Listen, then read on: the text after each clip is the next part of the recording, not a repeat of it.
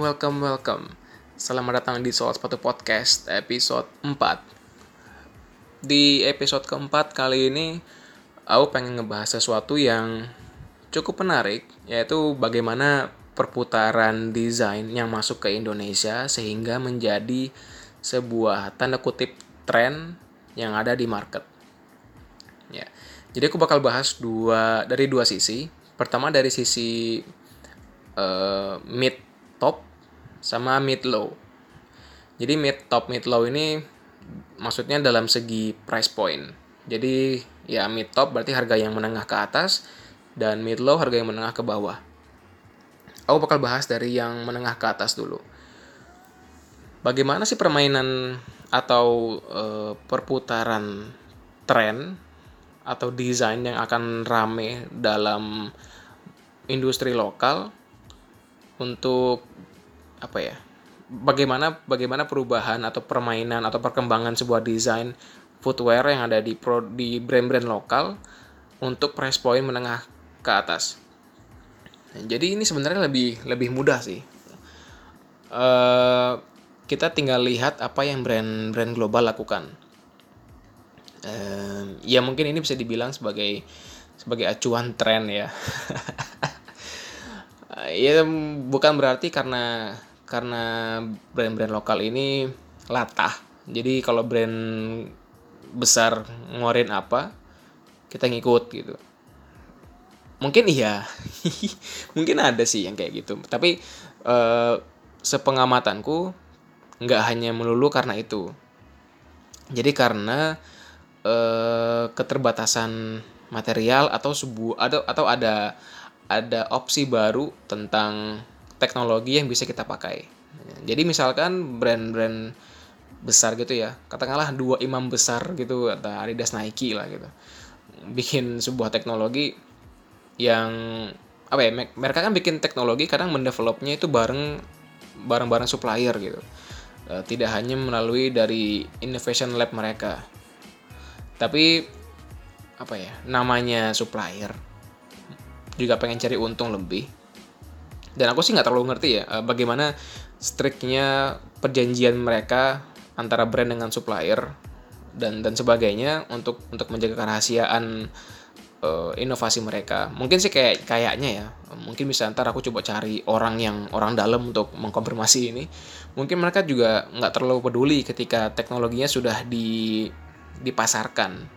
Jadi kan ya nggak masalah asal, asalkan gue udah ngeluncurin duluan nih gitu. Karena yang sebenarnya yang dicari itu adalah inovasinya. Kalau udah dilakukan orang lain ya udah nggak inovasi lagi kan gitu.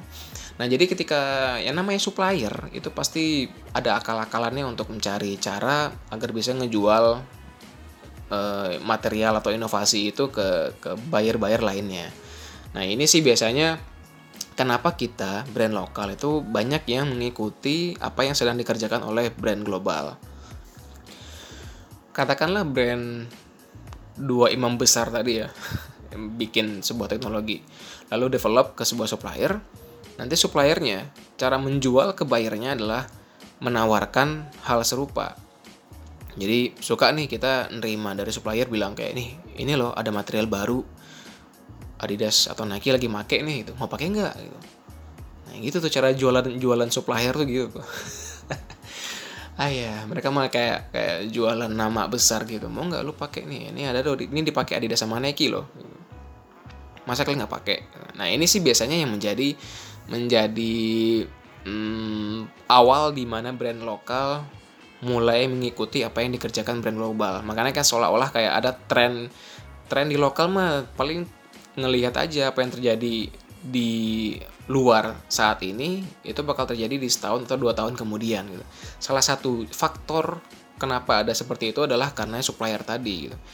Dan akhirnya ketika ada sesuatu yang bagus, mungkin katakanlah ada material A yang dipakai sama brand global itu hype dan tahun depannya kita pasti ngikut karena oh hype nih bikin juga dong gitu. Gampangnya kayak gitu kan. Ya latah juga sih sebenarnya. Jadi itulah kenapa brand-brand yang menggunakan uh, inovasi-inovasi dalam produknya biasanya lebih cenderung menggunakan inovasi yang sudah ditemukan oleh brand-brand global. uh, aku sih sampai sekarang nggak tahu ya ada nggak ya brand glo brand lokal yang bener-bener developing sebuah inovasi dalam produk mereka yang bener-bener hmm, original dari mereka gitu. Yang yang benar-benar sesuai kebutuhan banget yang di research kayaknya nggak ada sih karena butuh effort dan waktu yang panjang. Jadi lebih enak ketika ada inovasi yang sudah terjadi di luar kita implementasikan ke produk kita gitu. nah ini sih yang yang yang kenapa banyak brand-brand untuk mid top itu inovasi-inovasi yang dikeluarkan mirip-mirip sama inovasi yang sudah dilakukan setahun ke belakang oleh brand-brand global. Karena permainan atau atau perputaran distribusinya sudah sampai ke kita untuk inovasi yang sedang dibuat oleh brand global. Gitu. Dan ini juga ini juga bisa kita aplikasikan ke dalam warna. Ehm, warna sih sebenarnya masih agak rancu ya. Aku uh, nanti aku bakal coba bikin lagi podcast yang topiknya tentang colorway. Nah untuk masalah mid top ini colorway-nya itu masih bisa bermain jika kalau kita bermain di retail. Karena retail itu kan udah suka-suka kita aja gitu. Sebagai brand ya retail retail gua gitu ya gua bikin aja apa yang gua mau gitu. berbeda dengan kalau kalau distribusinya nggak ke retail sendiri tapi ke lebih ke dep store atau ke wholesale dan sebagainya itu bener-bener ngikutin apa keinginan market. Jadi kalau mid top ini biasanya sih jarang kalau wholesale wholesale mau ngejual kan harganya mahal dan biasanya kalau mid top ini dia ngejualnya di retail. Jadi ketika jual di retail warnanya sih pasti akan akan lebih banyak berani. Nah warna sih aku masih aku masih belum bisa membaca gimana brand-brand lokal bisa mengeluarkan warna-warna tertentu. Reasonnya apa aku juga susah membaca karena ini bener-bener sesuai dengan kebutuhan dari brand mereka masing-masing gitu. Ya dan, dan seru jadinya. Nggak nggak terlalu nggak terlalu monoton dan ini di mana kesempatan untuk brand-brand besar di uh, Indonesia untuk mulai unjuk gigi. Nah, warna-warna ini sih yang yang yang masih belum paham. Tapi intinya secara siluet, secara teknologi, secara material cenderung mengikuti inovasi yang yang sedang dilakukan brand global. Itu. Ini untuk yang mid top. Nah, untuk yang mid low seperti apa? Nah, jadi sebelum cerita sebelum membahas tentang mid ini aku pengen cerita sedikit tentang experienceku. Jadi waktu tahun 2016, aku keterima di perusahaan sportswear namanya 910. Jadi 910 ini uh, brandnya 910 tapi dibikin Inggris 9 dan 10 jadi 910. Nah 910 ini fokusnya di performance khususnya running. Walaupun ada beberapa sepatu mereka yang lifestyle ataupun yang yang uh, easy to go shoes dan sebagainya, tapi core dari perusahaannya adalah performance running. Nah, jadi di 910 ini aku diajak tahun 2016 pertengahan, aku diajak ke salah satu uh, pameran yang ada di Cina, di Guangzhou. Jadi namanya itu Canton Fair. Canton Fair ini sih aku juga nggak terlalu paham ya apa apa ya Canton Fair ini fair yang seperti apa sih? Maksudnya kenapa ada Canton Fair? Tapi yang setahu aku Canton Fair ini adalah trade show yang me menyediakan kebutuhan-kebutuhan industri. Salah satu industrinya ada industri footwear. Jadi aku ketika di Canton Fair ini uh, emang hanya hanya ber apa ya, keliling-keliling di sektor footwear. Nah di di trade show atau di, atau di Canton Fair ini sektor footwearnya tuh beneran gede banget apa ya bener-bener gede lah pokoknya hmm, dari dari material-material atau kebutuhan-kebutuhan basic dari sepatu sampai ngejual sepatu jadinya itu ada di Canton Fair. Banyak banget. Nah, jadi di Canton Fair ini pengunjungnya itu rata-rata para pebisnis. Pelaku bisnis pokoknya. Nah, kalau di sektor footwear, banyak pelaku bisnis di Indonesia yang datang ke sana jadi uh, kalau Canton Fair ini pasti banyak owner ketemu dengan owner gitu atau orang purchasing brand A ketemu dengan orang purchasing brand B gitu dan dan dan kenal gitu. Ya dunia footwear sempit lah. Jadi uh, kenapa mereka ke sana? Mereka itu ke sana ingin melihat tren yang akan terjadi di Indonesia atau sekedar belanja barang gitu. Nah, jadi kan aku bilang tadi di Canton Fair itu dia menyediakan dari kebutuhan basic sampai sepatu jadinya. Nah, sepatu jadinya ini yang menarik. Aku melihat waktu itu yang aku aku mulai paham tuh ketika di sana jadi tahun 2016 itu sedang naik-naiknya Yeezy ya Yeezy Yeezy KW kan banyak tuh nah di Canton Fair juga banyaknya parah gitu kayak apa ya Canton Fair ini bener-bener nyediain apa yang kita pengen gitu. Dan bahkan untuk masalah sepatu KW untuk sepatu, sepatu KW itu ada ada grade-nya. Ada yang mirip banget yang agak uh, kelihatan jeleknya sama yang paling paling jelek gitu. KW-KW sampah gitu ada. Uh, entah kenapa di tahun 2016 itu aku ke sana bulan Oktober nggak salah. Itu uh, hampir ya bisa dibilang setengahnya dari semua booth booth yang jual sepatu jadi itu pasti ada model Yeezy-nya. Nah ini menarik. Uh, para pelaku bisnis di Indonesia itu banyak loh ternyata pelaku bisnis footwear yang malas.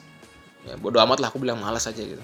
Mereka itu malas karena pengennya bisnisnya gampang, yaitu dengan cara membeli sepatu jadi, lalu ditempel logo mereka. Jadi ketika mereka ke sana lihat-lihat, nanti bikin perjanjian dengan supplier sepatunya, uh, tinggal di custom aja terus order berapa ribu pasang gitu. Jadi ketika udah order tak tinggal nyampe di Indonesia dia mereka jual lagi di Indonesia.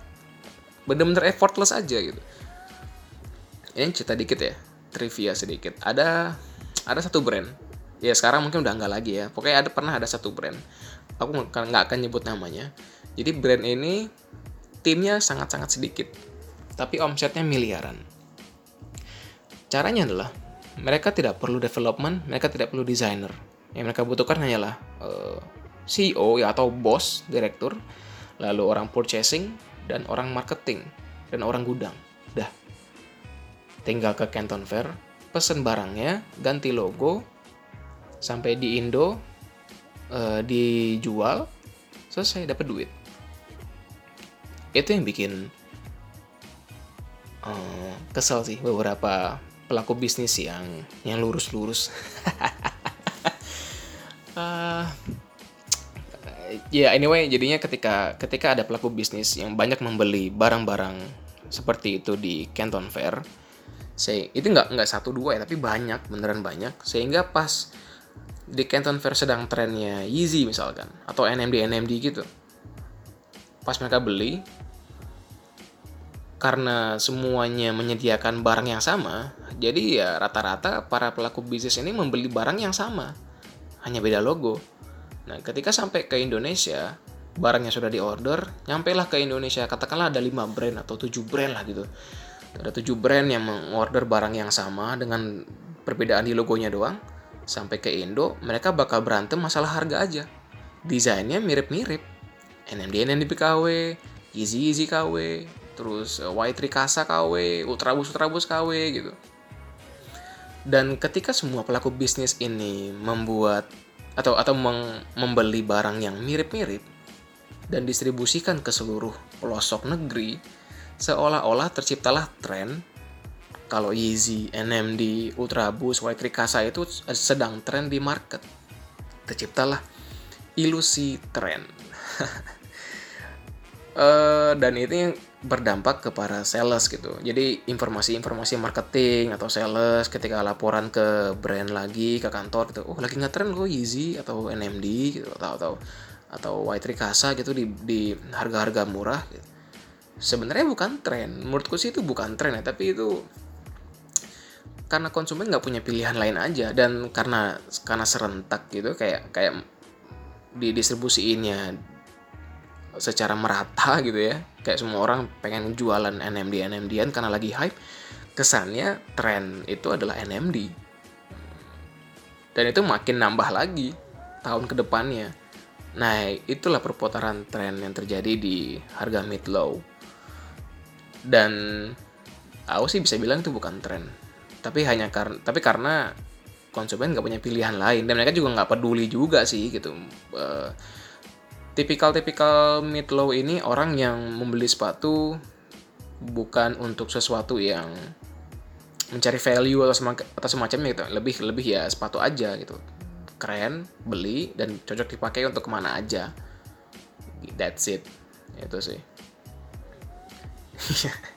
Ya gitu jadinya permainan apa ya permainan perputaran pendistribusian desain desainnya itu seolah-olah terjadi barengan seolah-olah karena tren. Padahal ya karena eh, banyak aja pelaku bisnis yang males gitu. Nah ini yang menjadi tantangan bagi banyak brand-brand lurus tanda kutip lurus yang yang tidak malas adalah uh, susah gitu ketika brand global eh brand-brand lokal yang mendevelop desain sendiri kan tentu ada cost ada waktu dan ketika ada cost yang dikeluarkan pasti dijual akan lebih mahal. Padahal secara spek secara material secara siluet itu mirip dengan harga yang jauh di bawah mereka.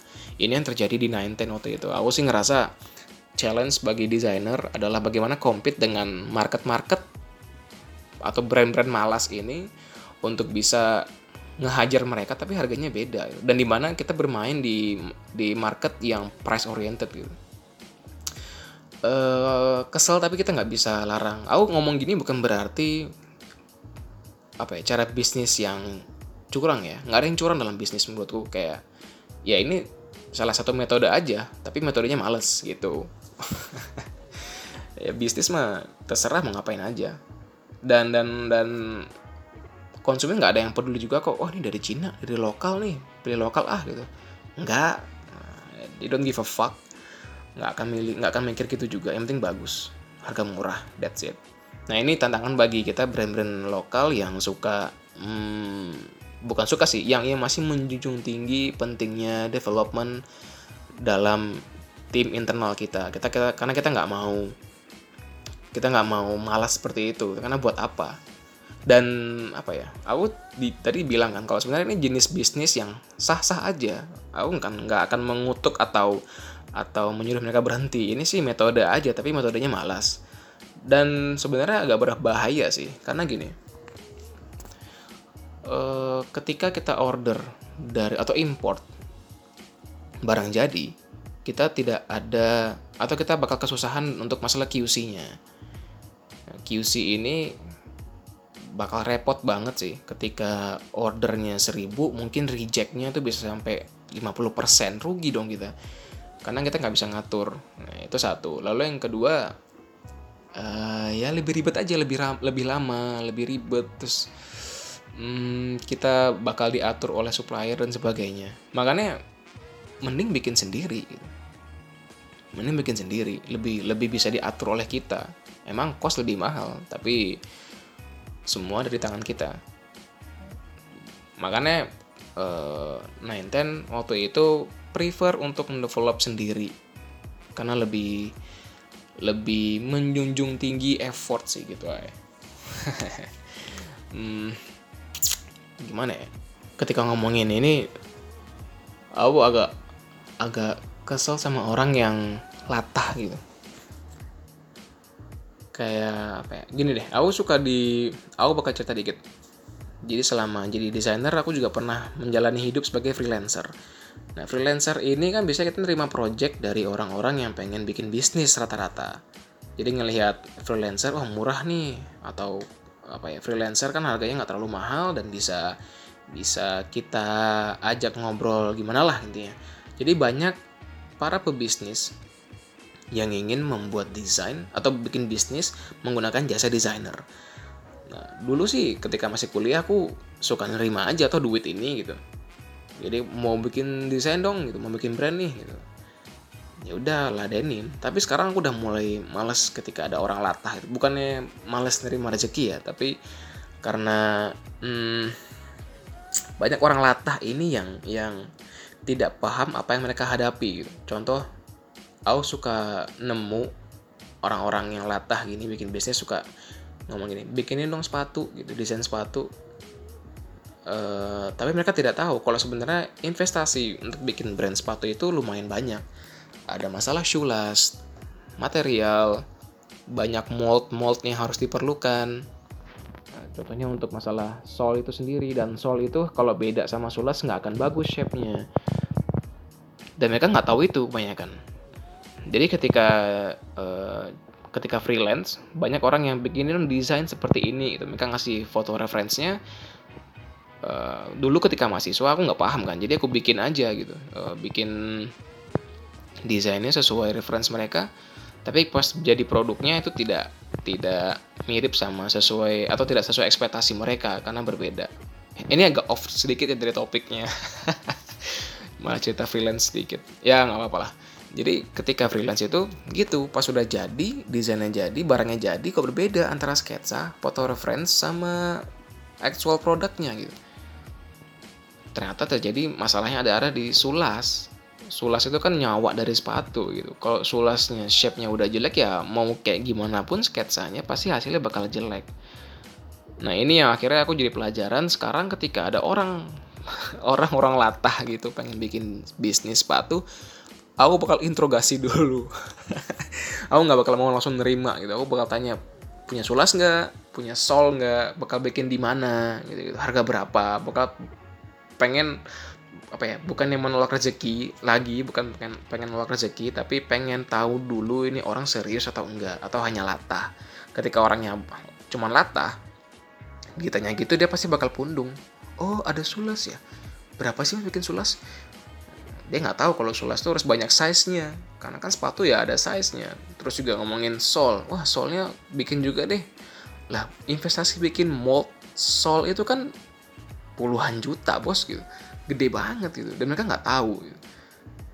Yaudah deh pakai existing aja yang ada di pasaran. Tapi sulasnya beda loh sama yang mas punya gitu misalnya oh nggak bisa ya? Nah gitu-gitu kan jadi jadi bete kan. Takutnya ketika kita mengiyakan lalu terus membuat bikin desainnya pas jadi jelek yang kena desainer gitu. Kok desainnya jelek sih mas? Gitu. Eh, padahal di awal bagus. Nah gitu gitulah aku trauma masalah itu jadi kayak kalau ada yang freelance ada yang nawarin project-project gitu aku kayak tak interogasi dulu.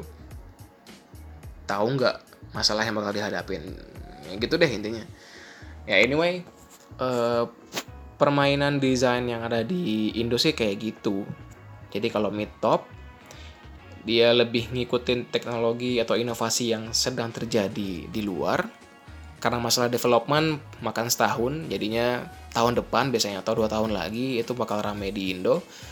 Kalau untuk mid low, untuk mid low dia bakal ya gampangnya sih apa yang Canton Fair sediakan itu bakal banyak.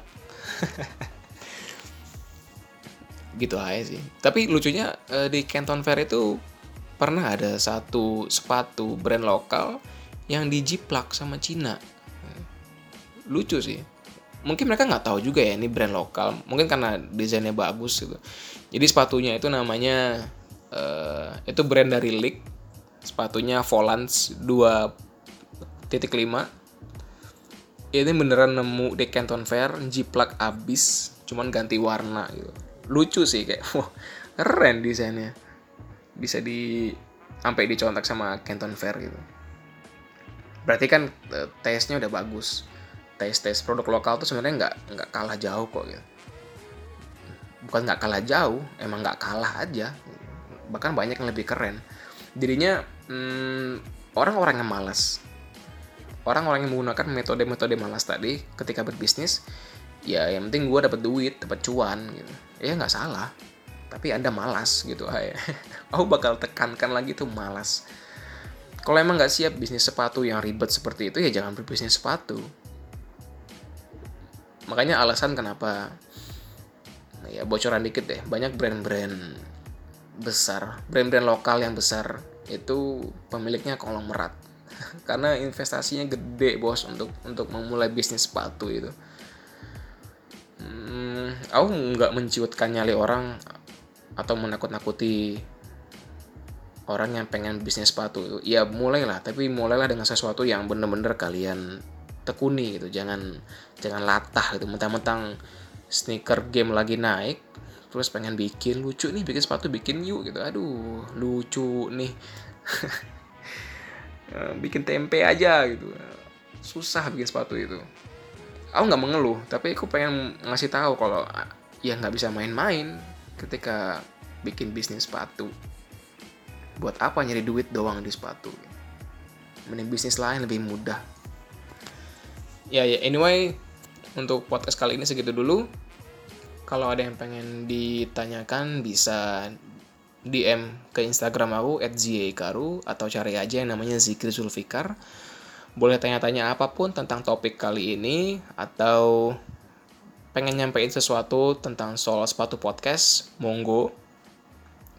Dan sampai jumpa di episode-episode selanjutnya. Bye bye.